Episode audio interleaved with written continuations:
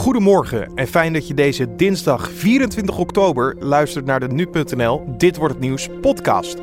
Mijn naam is Carne van der Brink en ik zal je in een klein kwartier bijpraten over het nieuws van nu, de zaken die verder deze dag te gebeuren staan en we hebben een mediaoverzicht voor je vandaag. Zometeen aandacht voor het vervolg van het proces tegen Geert Wilders en Jurgen Rijman voor één dag hovenier. Maar eerst het belangrijkste nieuws van dit moment. Lieke Martens is maandag bij de FIFA de Best Gala uitgeroepen tot voetbalster van het jaar. Sarina Wiegman, bondscoach van Nederland, werd verkozen tot beste coach van een vrouwenelftal. Ze waren niet bij de uitreiking, maar toch kregen ze de prijs in de kleedkamer uit handen van Marco van Basten. En zo klonk het ongeveer.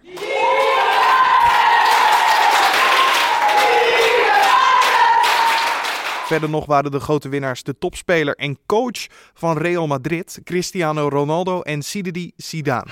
Tijdelijke werknemers uit een ander EU-land krijgen dezelfde beloning voor hetzelfde werk als hun collega's in het gastland. Dat is het resultaat van anderhalf jaar moeizaam onderhandelen tussen de EU-lidstaten over herziening van een zogenoemde Europese datasheringsrichtlijn. De richtlijn gaat over vier jaar in de hele EU gelden, maar vooralsnog niet voor de transportsector. De e-mailbeveiliging op het Binnenhof is lek. Dat stelt de website Follow the Money op basis van een onderzoek. De journalisten van de site wisten uit naam van politici e-mails te sturen. Onder meer stuurden ze een mail uit de naam van premier Mark Rutte, Halbe Zelstra, Geert Wilders en Alexander Pechtold. In Mongolië zijn zeker tien bergbeklimmers om het leven gekomen nadat ze door een lawine werden overvallen. Zeven mensen worden nog vermist, meldt het Chinese staatsbureau Shenhua op basis van de autoriteiten in Mongolië. En dan kijken we naar wat voor dag het vandaag gaat worden, oftewel dit wordt het nieuws. Vorig jaar werd politicus Geert Wilders schuldig bevonden omtrent zijn uitspraken meer of minder Marokkanen. Hij zou zich schuldig hebben bevonden aan aanzetten tot discriminatie in groepsbelediging. Maar hij kreeg toen geen straf opgelegd. OM en Wilders besloten na de uitspraak toch nog in beroep te gaan. Dit proces gaat vandaag verder met een regiezitting. Maar wat houdt een regiezitting precies in? Wij belden met persraadsheer Kiki Plugge van het gerechtshof Den Haag. Een regiezitting houdt uh, in dat je de zaak uh, niet inhoudelijk behandelt, dus niet waar het eigenlijk over gaat. Maar dat je voordat je die inhoudelijke behandeling doet, eerst samen kijkt van wat zijn er nou voor wensen in hoger beroep.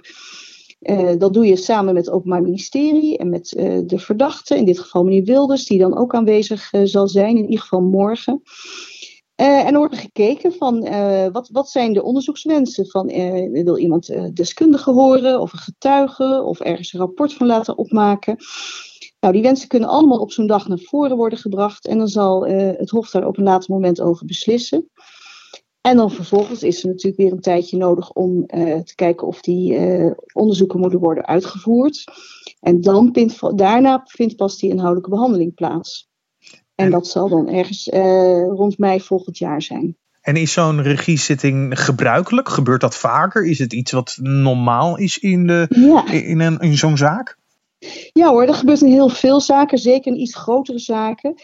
En sowieso als je van tevoren uh, weet, of zo doen wij dat in hoger beroep, als je van tevoren weet dat uh, een van de partijen onderzoekswensen heeft. Uh, want daar zal altijd eerst toestemming op moeten volgen of die wel of niet mogen worden uitgevoerd. En dat gebeurt dan na aanleiding van zo'n regiezitting. Ik, ik heb nog een, een, een, inhoudelijke vraag over de zaak. Ja. Ik weet niet of jij het kan beantwoorden. Het gaat over het feit dat uh, voor de regiezitting, voordat er echte uitspraak was, is de heer Wilders uh, schuldig bevonden, maar zonder straf. Uh, ja. Ik was heel erg benieuwd hoe dat kan dat je schuldig wordt bevonden zonder straf. Is het dan wel een straf of heeft dat andere zaken mee te maken? Nou, dat is gewoon een bepaling die in de wet staat. Je kunt een straf opleggen of je kunt ook iemand schuldig verklaren zonder een straf op te leggen. En dat betekent in dat geval dat je wel uh, bewezen acht dat iemand uh, iets heeft gedaan. In dit geval dan Wilders, die zou zich aan groepsbelediging en uh, aanzetten tot discriminatie hebben schuldig gemaakt. Maar in zijn geval heeft de rechtbank gezegd: ja, wij vinden het, ja, gelet op de positie ook had als politicus, niet nodig dat hij daarvoor een straf krijgt opgelegd. En het gebeurt wel eens vaker in gevallen dat iemand iets heeft gedaan, maar dat je daar verontschuldigende omstandigheden voor hebt of een andere reden. Dat je zegt, we, we leggen in dit geval geen straf op. Het, is, het staat gewoon in de wet dat het kan. Heeft daarmee nog mee te maken dat een politiek figuur, een, een publiek figuur, daar eerder eh, in aanraking komt dan een, ja, een gewone sterveling, om zo maar te zeggen? Nou, ik denk dat je dat in zijn algemeenheid uh, moeilijk kan zeggen. Um, ik begrijp uit, het vonnis van de rechtbank dat zij wel zeggen: ja, hij heeft dit, dit eh, vanuit zijn politieke functie gedaan. En het is genoeg dat hij gewoon weet dat hij daarmee de grens heeft overschreden. Met wat hij gezegd heeft. Ja. En als we u vragen hoe het proces nog verder zal verlopen met de regiezitting, hoe moeten we nog de rest van de, ja, de, de, de Hoge Rechtshof-dagen eruit gaan zien? Hoe, hoe, nou, die regiezitting uh, ja, die zal twee dagen in beslag nemen. Dat is uh, op verzoek van de advocaat van Wilders. Uh, die zegt: Ik heb voor die onderzoekswensen heb ik ongeveer zes uur nodig om, om het Hof te laten weten wat die zijn. Um, en daar moet dan ook weer het Openbaar Ministerie op kunnen reageren. Dus het Hof heeft zekerheidshalve twee dagen ingepland. En dat is dus morgen begint dat, dinsdag 24 oktober. En dan is er 26 oktober nog een dag. Dat is niet gebruikelijk, toch? Dat het normaal twee dagen zijn? Nee, dat is inderdaad niet, dat is inderdaad niet gebruikelijk. Uh, maar het is ook niet gebruikelijk dat een advocaat daar zes uur de tijd voor neemt om dat uh, toe te lichten. Maar hij heeft dat in dit geval wel verzocht en het Hof uh, heeft dat, dat goedgekeurd. Ja. Dus dat gaat gebeuren. Is dat niet, want in verschillende media hebben andere advocaten onder andere al gepleit van het is vreemd dat wij het soms in een aantal uur moeten doen op één dag. is dit iets wat een nieuwe trend gaat worden of is dit echt initieel voor één zaak?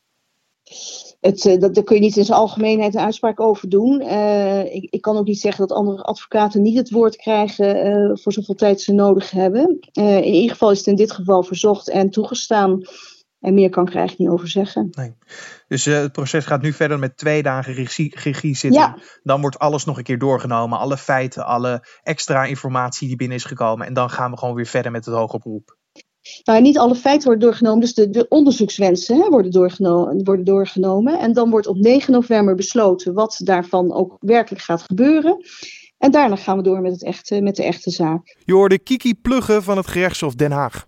Dan kijken we naar wat er vandaag nog verder gaat gebeuren. De rechtbank in Den Haag doet vandaag uitspraak in de zaak van de Haagse politiemol Amine A.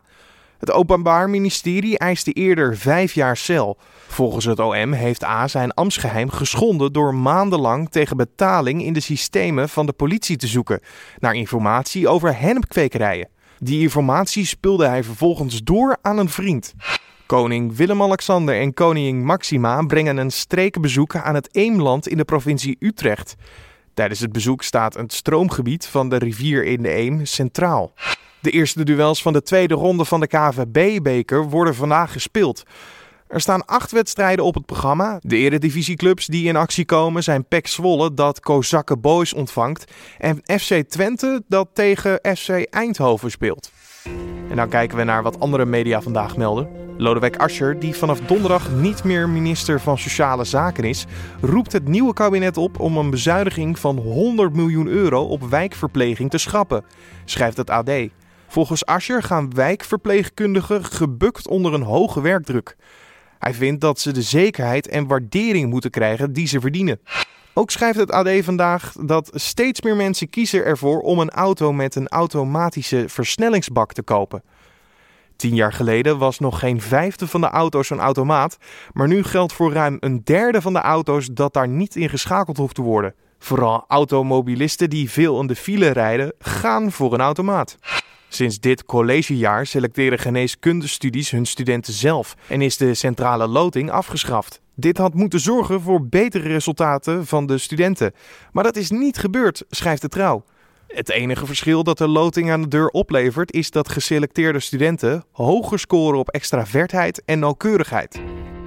En dan nog even het weer. Vandaag blijft het grijs en zo nu en dan valt er ook regen of motregen.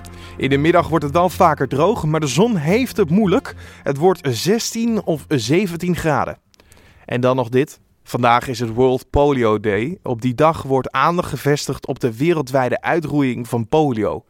De Wereldgezondheidsorganisatie hoopt polio in de komende jaren wereldwijd uit te roeien. In ontwikkelingslanden is dit niet makkelijk. Dit vanwege de hoge kosten van vaccinaties. En daarom komen vandaag veel mensen in actie. Onder andere acteur en komiek Jurgen Rijman, ambassadeur van UNICEF en lid van de Rotary, zal vandaag de End Polio Now tulp gaan planten in de Keukenhof. We belden hem met de vraag Jurgen Rijman en bollenplanten. Hoe zit dat en wat gaat er gebeuren? Nou, als je goed teruggaat, kan je mijn naam opzoeken in een Deens prenataalboek. En daar staat Jurgen Rijman, of Jurgen betekent hardwerkende landbouwer. Dus uh, ja, ik ga dit vandaag eindelijk waarmaken door bollen te planten uh, op Wereldpoliodag. En uh, dat zijn speciale tulpen die aangekocht zijn voor End Polio nou. En dat gaan we de keukenhof doen. Ja, wat, wat een bijzonder evenement. En ben je wel een beetje bekend met bollenplanten? Of is dit ook de eerste keer voor jou? Het is voor mij de eerste keer, maar ik ga er vol overgave in.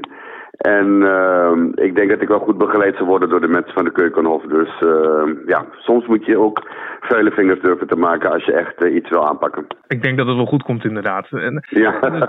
natuurlijk is het zo belangrijk om dat op die Wereldpolio-dag om echt te zorgen dat door de aandacht aan te besteden, door nou in dit geval bollen te planten, om echt die polio uit de wereld te krijgen. Waar, waarom vind jij dat zo belangrijk om hier zo betrokken bij te zijn? Nou, op twee manieren. Ik ben zelf Rotarian en het is een actie van de Rotary. En ik ben natuurlijk ook ambassadeur van UNICEF. En uh, ja, ik, uh, bij ons UNICEF is het een van uh, zeg maar de grondrechten van elk kind om een gezond leven te leiden. Dus hoe meer kinderen we kunnen vaccineren, hoe sneller we deze ziekte kunnen uitbannen. En uh, ja, er hoeven geen kinderen meer met polio geboren te worden, omdat we een prima vaccinatie hebben ervoor.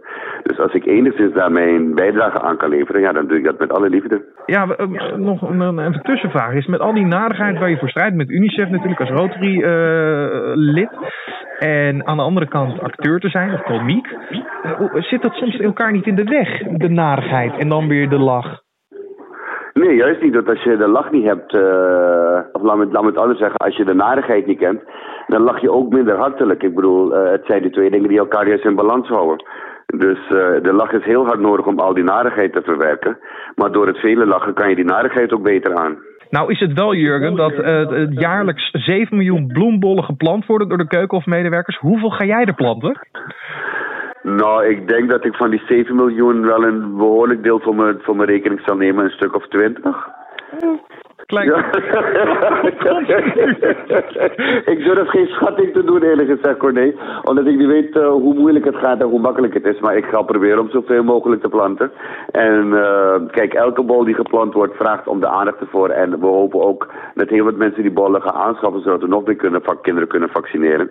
En dat we echt uh, over een paar jaar die ziekte echt helemaal uit de wereld hebben. Dus ja, ik zal mijn best doen om er zoveel mogelijk te doen.